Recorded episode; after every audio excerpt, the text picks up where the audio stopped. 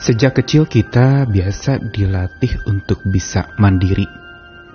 Lakukan segalanya sendiri. Jangan bergantung kepada orang lain. Jangan andalkan orang lain. Sendiri kerjakan. Pesan itu memang sederhana dan ada benarnya. Kita memang perlu belajar mandiri. Kita perlu belajar melangkah sendiri, tidak bergantung kepada orang lain. Namun bila dilakukan dan diterapkan secara ekstrim, sadarkah kita bahwa hal itu justru bisa membahayakan? Yaitu karena kita sudah terbiasa dilatih untuk apa-apa sendiri dan jalan sendiri, akhirnya kita menjadi tidak peduli dengan orang lain. Dan juga tidak mau meminta pertolongan dari orang lain, bahkan tidak mau ditolong oleh orang lain. Ukuran kedewasaan sering kali ditandai dengan saya bisa lakukan semua sendiri dan itu tanda dewasa. Tapi apakah itu yang juga Tuhan maksudkan di dalam dewasa iman kita? Apakah berarti orang yang dewasa imannya dia tidak perlu bergantung pada siapa-siapa dan lakukan segala sesuatunya sendiri? Ada bahaya berikutnya bila kita segala sesuatu lakukan sendiri, adalah kita bisa menjadi menang sendiri dan maunya apa-apa menurut diri kita sendiri. Tidak minta pertimbangan orang lain, tidak lalu kemudian mengajak orang lain untuk berembuk atau mungkin untuk memutuskan sesuatu. Segalanya serba dilakukan sendiri. Dan ini melahirkan pribadi-pribadi individualis yang akhirnya justru memunculkan dampak lebih buruk lagi yaitu arogansi, kesombongan, yang merasa saya bisa kerjakan segala sesuatu sendiri. Padahal ini sebuah kebohongan, karena pada dasarnya dan sebenarnya tidak satupun kita yang bisa jalan sendiri. Saya Nikolas Kurniawan menemani lagi dalam Sabda Tuhan hari ini di dalam ulangan pasal 31 ayat yang ke-6 sampai ke-8 merupakan petuah atau nasihat, nasihat terakhir dari Musa kepada Yosua penggantinya yang kelak akan memimpin bangsa pilihan Tuhan untuk menuju tanah perjanjian. Kuatkan dan teguhkanlah hatimu, janganlah takut dan jangan gemetar karena mereka, sebab Tuhan Allahmu dialah yang berjalan menyertai engkau. Ia tidak akan membiarkan engkau dan tidak akan meninggalkan engkau.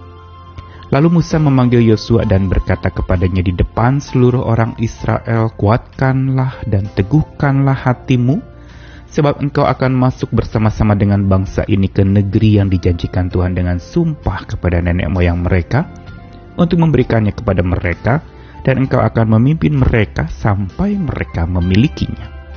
Sebab Tuhan dia sendiri akan berjalan di depanmu.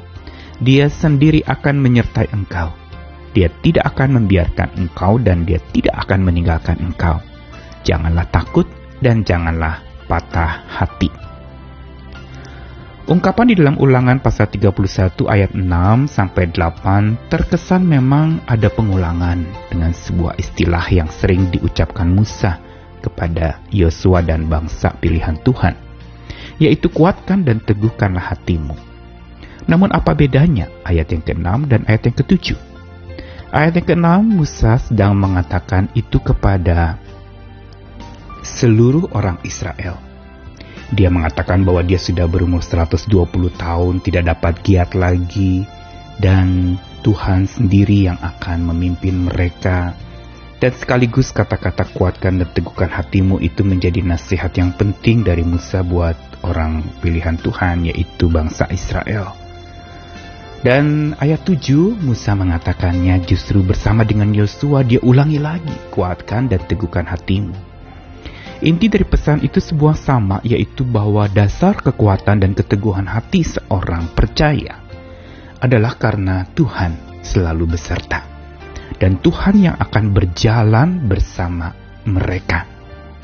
Inilah yang diulang-ulang terus oleh Musa kepada Yosua juga kepada bangsa itu. Kuat dan teguh baru bisa terjadi kalau kita jalan tidak sendiri tetapi mau disertai oleh Tuhan. Tidak akan menjadi kuat dan teguh kita bila kita mau apa-apa sendiri. kita mau lakukan itu serba sendiri dengan label dikatakan bahwa oh orang ini khusus untuk ini, yang ini khusus untuk ini, spesialisasi sering kali justru bisa berdampak. Orang menjadi tidak peduli lagi dengan orang lain karena merasa ini tugas saya dan bukan tugas kamu. Dan itu tugas kamu dan bukan tugas saya.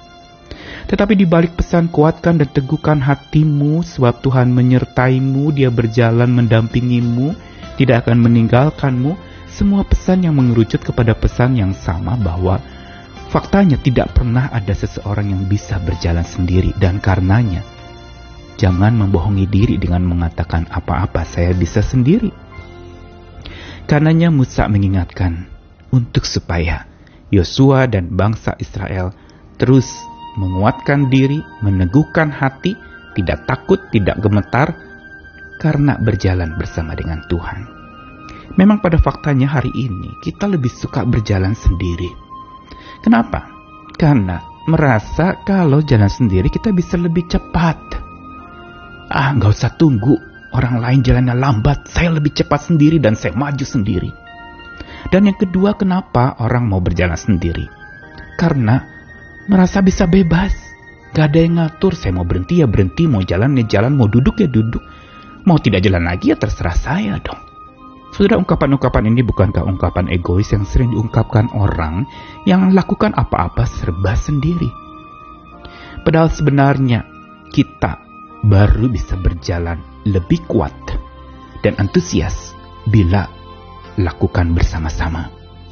Bukankah saat berjalan bersama kita menjadi lebih kuat, ada yang menopang, ada yang mengingatkan, dan jalan bersama memang lebih sulit kita harus mengurangi kecepatan bila pasangan kita berjalannya lebih lambat. Atau kita harus pertinggi kecepatan bila pasangan kita yang berjalan bersama dengan kita jalannya lebih cepat.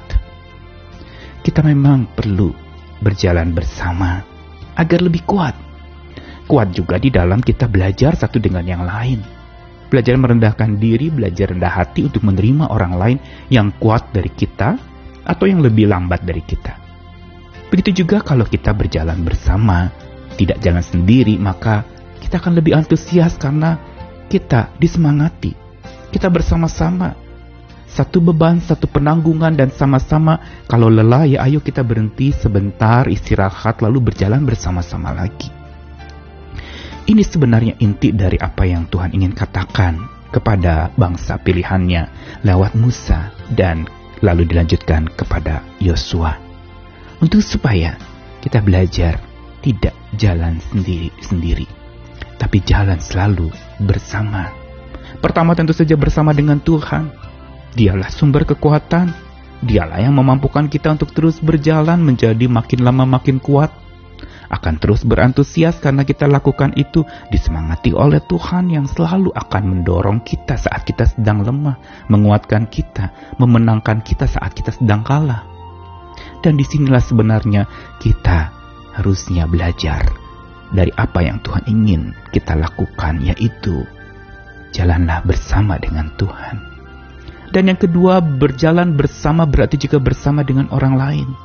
Yang berarti di kanan kiri kita ada orang lain yang bersama-sama, serempak dan kompak, berjalan bersama dan melakukan sesuatu bersama-sama saling toleransi dan saling menghargai, saling mengerti, bukan lalu kemudian mencela dari belakang atau menilai orang sembarangan dan tidak memahami serta mengerti perasaan orang.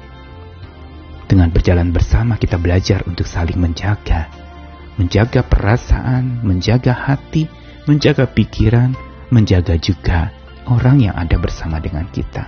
Supaya kekompakan dan keserempakan kita bisa berjalan terus. Mari kita belajar tidak jalan sendiri, tapi selalu berjalan bersama, bersama dengan Tuhan dan bersama dengan orang-orang percaya yang lain untuk serempak dan kompak menuju kepada apa yang Tuhan ingin kita tuju, yaitu ke tempatnya yang kekal, ke rumahnya yang mulia, dan ke dalam hatinya yang ada damai serta tentram mari berjalan lagi tidak sendiri, tapi bersama dengan Dia dan sesamamu. Amin.